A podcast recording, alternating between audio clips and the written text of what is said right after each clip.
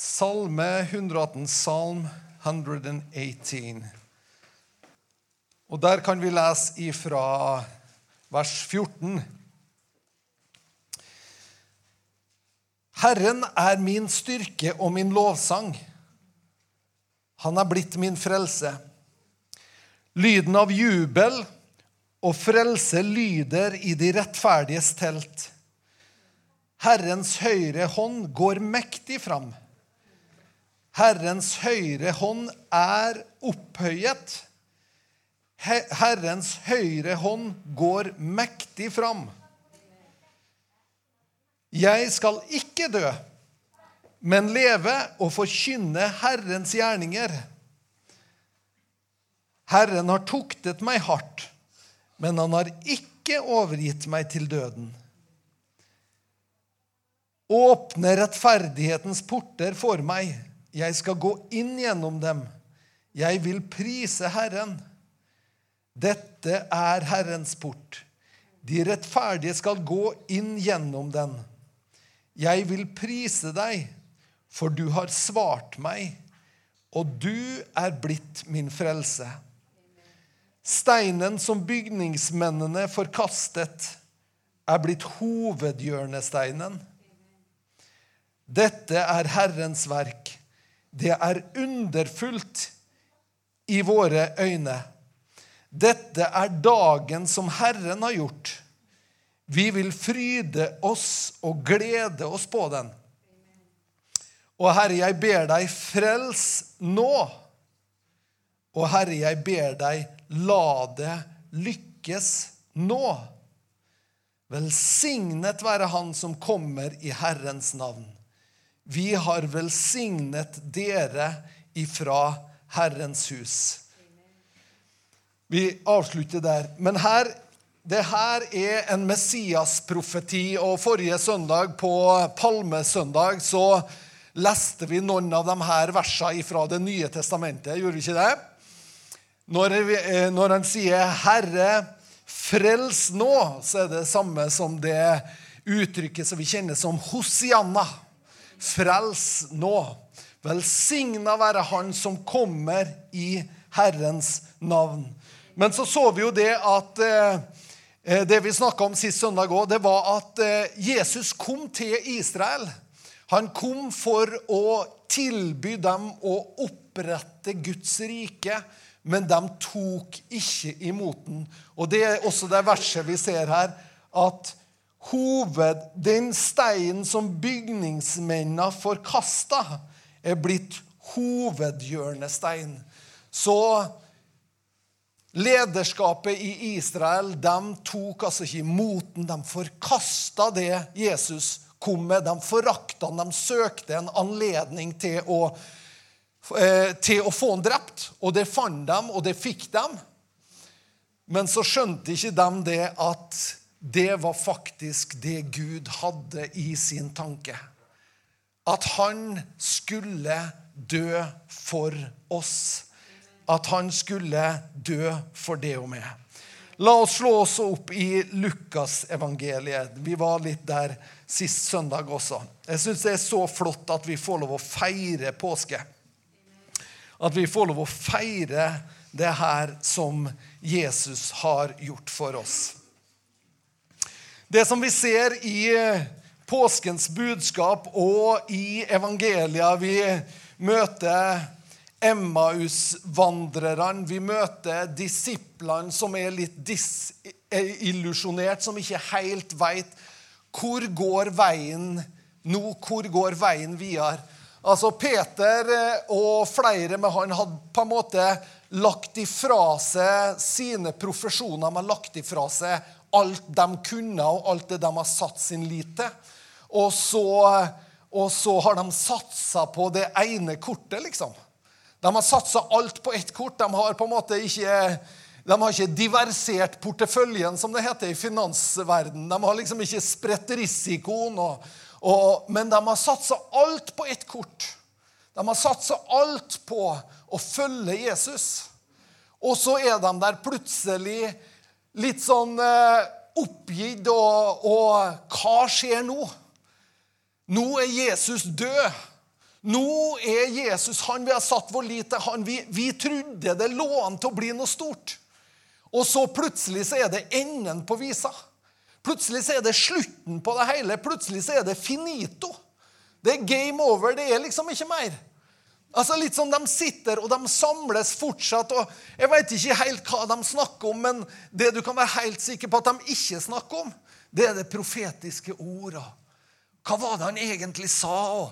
Ja, men Nevnte han ikke noe om den tredje dag, da? Det snakka de ikke om. De snakka om hvor skuffa svigermor kom til å bli. eller noe sånt. Jeg vet ikke. Men de snakka liksom om hva gjør vi nå, da, gutta? Ikke sant? Og de tror at det her er enden. De tror at det her er slutten. Det her er liksom Nå er det ikke mer. De tenker at yes, nå, det, var, det var det. Det var synd. Vi satsa liksom på feil hest. Vi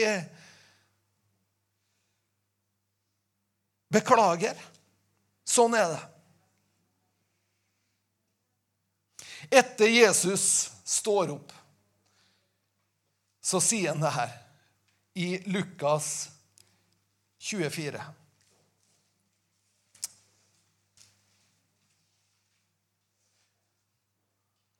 Først så har han en runde med dem. Han viser dem såra sine. Han viser, viser dem hvem han er. De tror fortsatt at han er et spøkelse. Og for å bevise at han ikke er et spøkelse, så gir de en litt fisk og honningkake for at han skal ete. For et spøkelse kan ikke ete. Det vet vi, liksom. Jeg vet ikke om du har vært der noen gang at du har hatt besøk av et spøkelse. Ja, men ete litt, altså. Vis at du er ordentlig. Men der var disiplene. altså. Det, nå var det spøkelsesbesøk, så, så, Jesus måtte altså spise stekt fisk og honningkake for å bevise det. Men etter at han har bevist det, så, eh, så står det at han sier til dem dette er de ord som jeg talte til dere da jeg fremdeles var sammen med dere. At alt det skal oppfylles som er skrevet om meg i Moseloven, i profetene og i salmene. Et av de ordene leste vi akkurat fra Salme 118.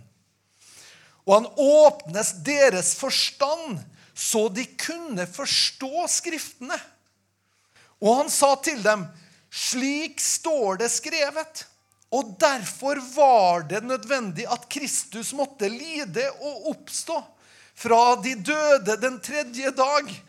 Jesus måtte lide, han måtte oppstå.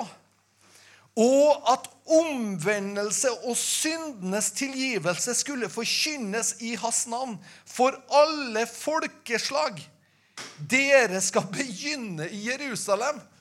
Her har disiplene trodd at det var slutt. Her har disiplene tenkt at nå er, det, nå er det, ferdig, nå er det kjørt. Nå er vi liksom, nå, nå er vi arbeidsledige, hele gjengen her. Men akkurat når de tror at nå er det slutt, så sier Jesus det her er ikke slutten. Det her er begynnelsen. Det her er begynnelsen. Jesu oppstandelse er begynnelsen på en ny æra. Det er begynnelsen på en ny tid for hele menneskeheten. Det er begynnelse på gode nyheter for alle mennesker i alle kroker og kriker på denne planeten. Så det de trodde det var slutten, det var altså begynnelsen på det hele. Nå begynner noe nytt. Nå begynner noe som heter nådens tid. Da Jesus har tatt straffa på seg for alle oss mennesker Det begynner en ny æra for oss mennesker. Når vi kan, når vi kan leve med Gud oppreist. Det eneste som kreves av oss, er at vi omvender oss og tar imot syndenes tilgivelse. Kan det være vanskelig? At vi kan omvende oss. Hva betyr det? Jo, vi får en ny sjanse. Vi kan vende oss bort fra det som er destruktivt, det som river oss ned. Vi kan vende oss bort fra det som holder oss fanga og bundet. Og så kan vi få del av hans frihet. Og så tilgir han oss alt. Og så reiser han oss opp. Det her budskapet, gutta, sier Jesus til disiplene, det her budskapet må forkynnes i hele verden. Wow! Så det de trodde var slutten, det var i virkeligheten bare begynnelsen. Dere er vitner om alt det. Se, jeg sender min fars løfte over dere. Gjennom hele Det gamle testamentet så har det på en måte hung et løfte i lufta.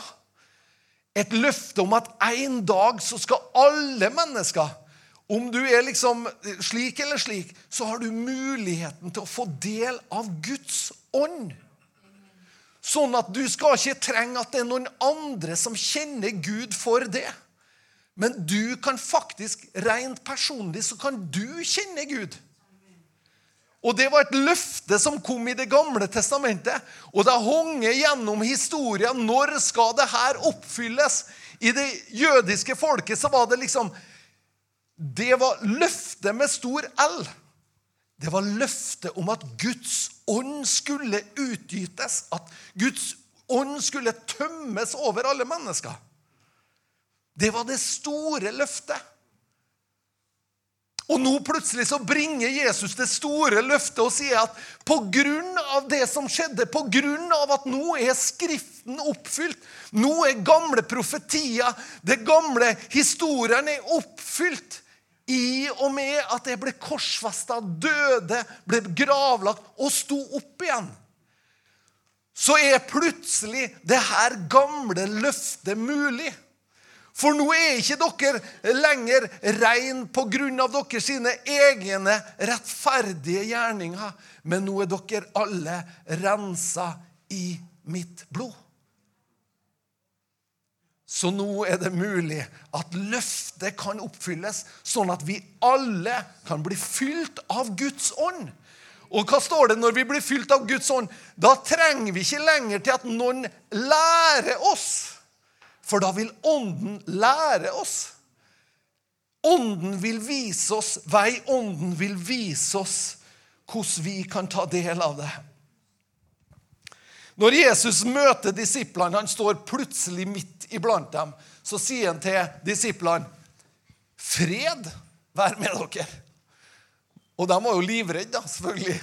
Når han plutselig står der levende, så sier han, 'Fred være med dere'. Det er ganske kort setning, er ikke det? Men du verden hvis du har ufred, og hvis du er redd, og hvis du er full av angst og jeg vet ikke hva det er, så er det en fantastisk setning. Hva er det Jesus kommer med til mennesker? første han kommer med til oss, er fred. Vet du noe? Fred, vær med deg.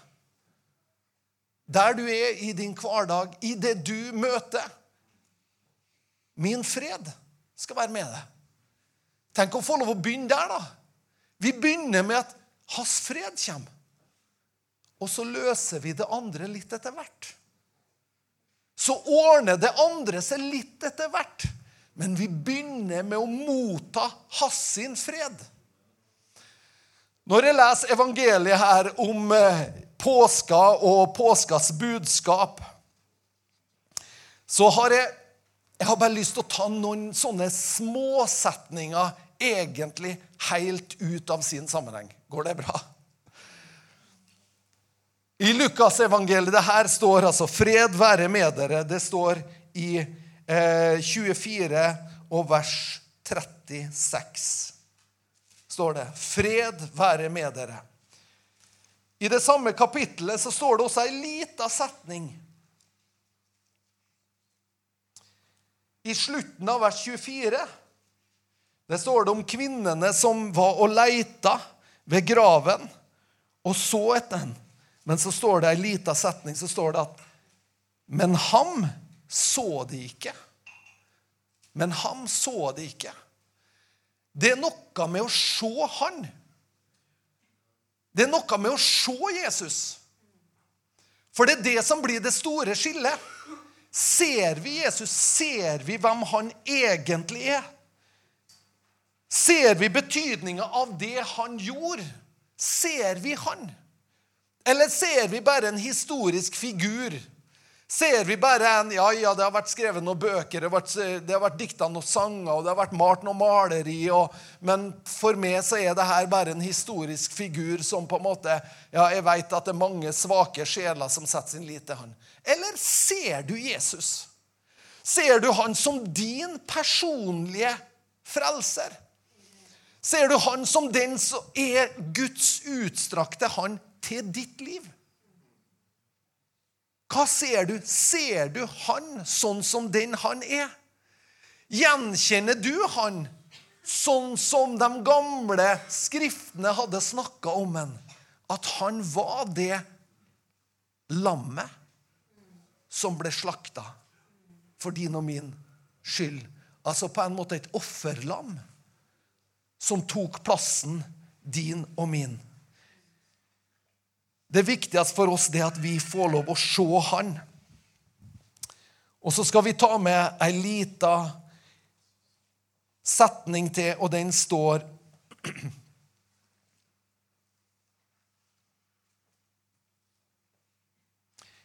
I kapittel 23, 23 vers 46.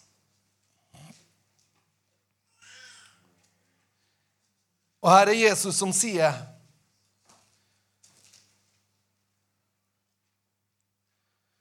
Når han dør på korset, så sier han, 'Far, i dine hender overgir jeg min ånd.'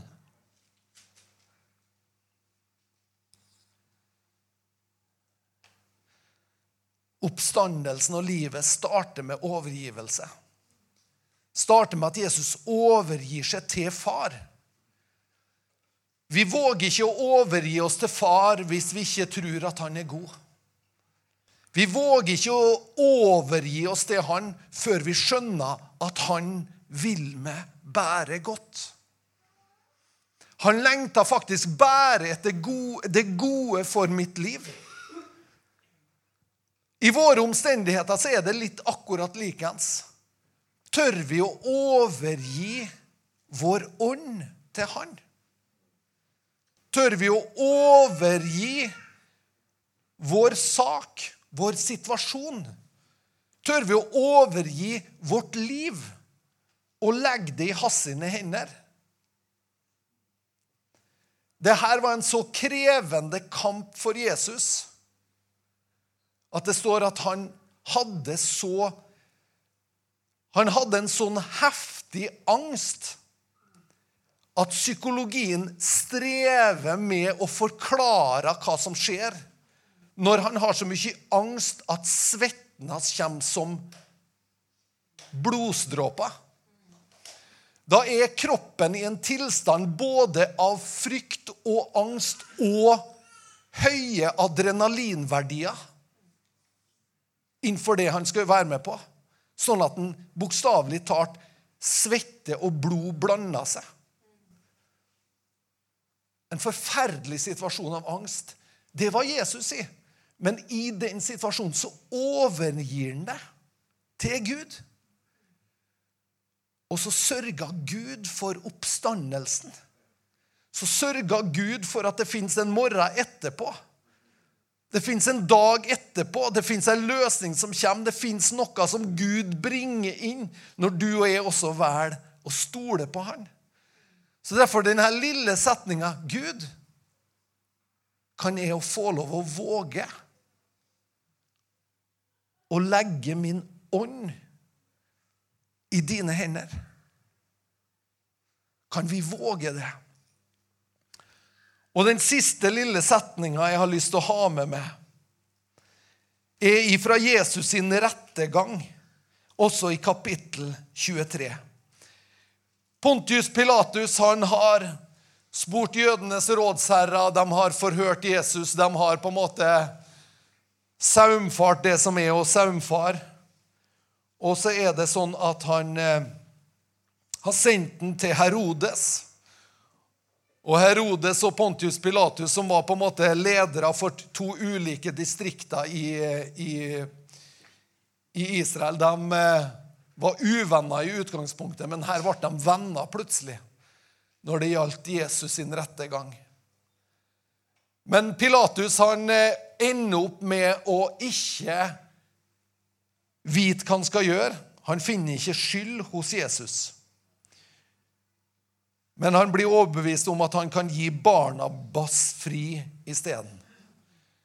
Og så sier Pilatus noen ord som jeg syns er veldig, veldig spesiell. Han sier i vers 25 i kapittel 23. Og han ga dem fri den de ba ham om, som på grunn av opprør og mord var satt i fengsel. Men Jesus overga han til deres vilje. Korsfest. Jesus overga han til deres vilje. Og fremdeles i dag så er Jesus overgitt til din og min vilje. Jeg må bestemme. Hva vil jeg gjøre med Jesus? Jeg må bestemme. Han er overgitt til min vilje. Jeg må bestemme. Vil jeg ta imot den? Vil jeg stole helt på den? Vil jeg våge å lene livet mitt over på Jesus? I dag så er det ingen andre som kan bestemme for det. Dine foreldre, dine slektninger, din nærmeste familie. Ingen andre kan bestemme for det. Men Jesus er fullstendig overgitt til din og min vilje. Hva ønsker jeg at mannen fra Nasaret skal være i mitt liv? Ønsker jeg at han skal være det bindeleddet som kobler meg til Gud? Ønsker jeg at han skal være det han sjøl proklamerer og sier at han er? Han sier 'Jeg er døra inn til livet'. Jeg er døra inn til livet. Er det noen av oss som lengter etter liv? Lengter vi etter mer mening? Lengter vi etter hensikt? Lengter vi etter noe å leve for som er større enn oss sjøl? Jesus sier, 'Jeg er døra inn til livet'. Og hvis vi, har, hvis vi, har, berørt Jesus som døra inn til vårt liv, så må vi allikevel spørre oss har vi skjønt det sånn som vi skal skjønne det. Har vi opplevd den sånn som en sier? Eller er det mer av denne døra vi trenger å ikke bare ha litt på gløtt for å se hva som kan befinne seg? Men tør vi å åpne døra og med helt hjerte gå inn i det livet som han har for oss? Som vi sa når vi feira nattverden, så er det faktisk ikke sånn at det Gud ønsker for oss, er at du og jeg skal kobles med noen gamle tradisjoner for at våre liv skal være konform og, og stivstøpt. Men han ønsker å koble oss med den framtida som han legger foran oss. Som han åpner opp for hver og en av oss som vil følge han. Han ønsker å koble det til de framtid. Han ønsker å koble det til de mulighetene som han har lagt foran deg. For det er det som er evangeliet. Det spiller ingen rolle hvor dystert, hvor mørkt, hvor nedbøyd, hvor forderva det har vært. Evangeliet er at Gud reiser oss opp, alle mann. Det er evangeliet det budskapet at på samme måte som han sto opp ifra det døde, så ønsker han å reise oss opp ifra vår egen død og fornedrelse. Til et liv der du og jeg kan løfte blikket, og vi kan stå frimodig innenfor Gud og mennesker. Og så sier vi 'Jeg lever'. Jeg lever på grunn av det Jesus gjorde for meg. Så lever jeg i dag. Men Jesus han er fullt og helt overgitt til din og min vilje. Vi må bestemme oss. Og noen gang i livet Jeg var 19 år. Når jeg i min 19-årige liv så hadde jeg gjort meg erfaringer på godt og ondt. Men da tok jeg et steg, og jeg kryssa en barriere i mitt eget liv. Jeg kryssa en barriere som var trosbarriera. Jeg tok et steg over den barrieren, så sa jeg jeg vil tro. Jeg vil ta imot. Gud, hvis du fins, så vil jeg lære å kjenne deg. Jesus, om du lever i dag, så vil jeg bli kjent med deg. Vi trenger alle å krysse den barrieren i våre liv. Ta det steget over. Det er ikke noe synlig barriere. Men det er en barriere som sitter i vårt sinn, i vår tanke. i det tankegodset som vi bærer med oss, så sitter barrierer som vil hindre oss. Men når vi tar det steget, vet du hva? Da tar du et steg, og da sier han 'velkommen hjem'. Fred vær med dere. Jeg takker Jesus for hver enkelt av oss som er her nå, i dag, i 2018. Så mange, mange år, snart 2000 år etter at det skjedde Jesus, så er vi samla. Så er du den samme. Du er døra inn til livet. Du er vår mulighet. Du er Guds løfte for oss. Du er liv for oss. Og vi takker deg, Herre, at vi får lov å si til deg, Jesus Jesus, jeg gir deg mitt liv. Jeg legger min ånd i dine hender. Jeg legger min framtid i dine hender. Ta imot meg, Herre. Berør livet mitt med din nåde. I Jesu navn. Amen. La oss stå opp, og så priser vi Herren sammen.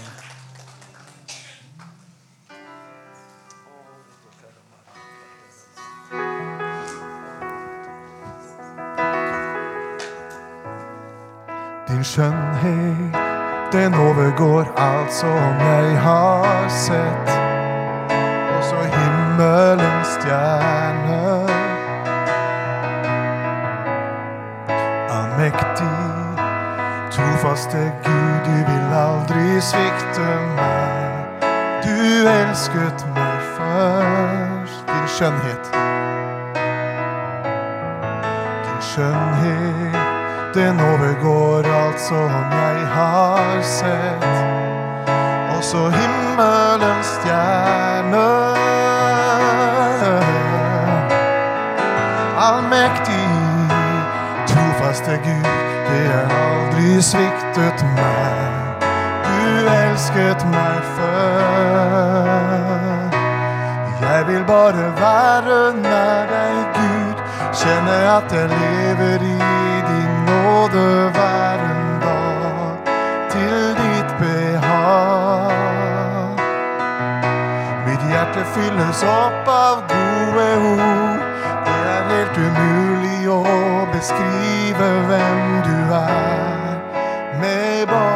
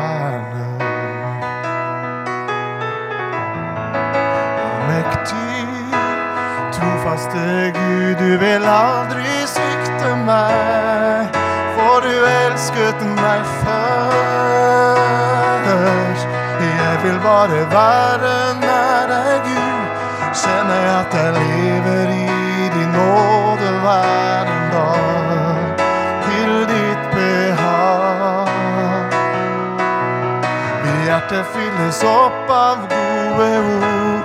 Det er helt umulig å beskrive hvem du er.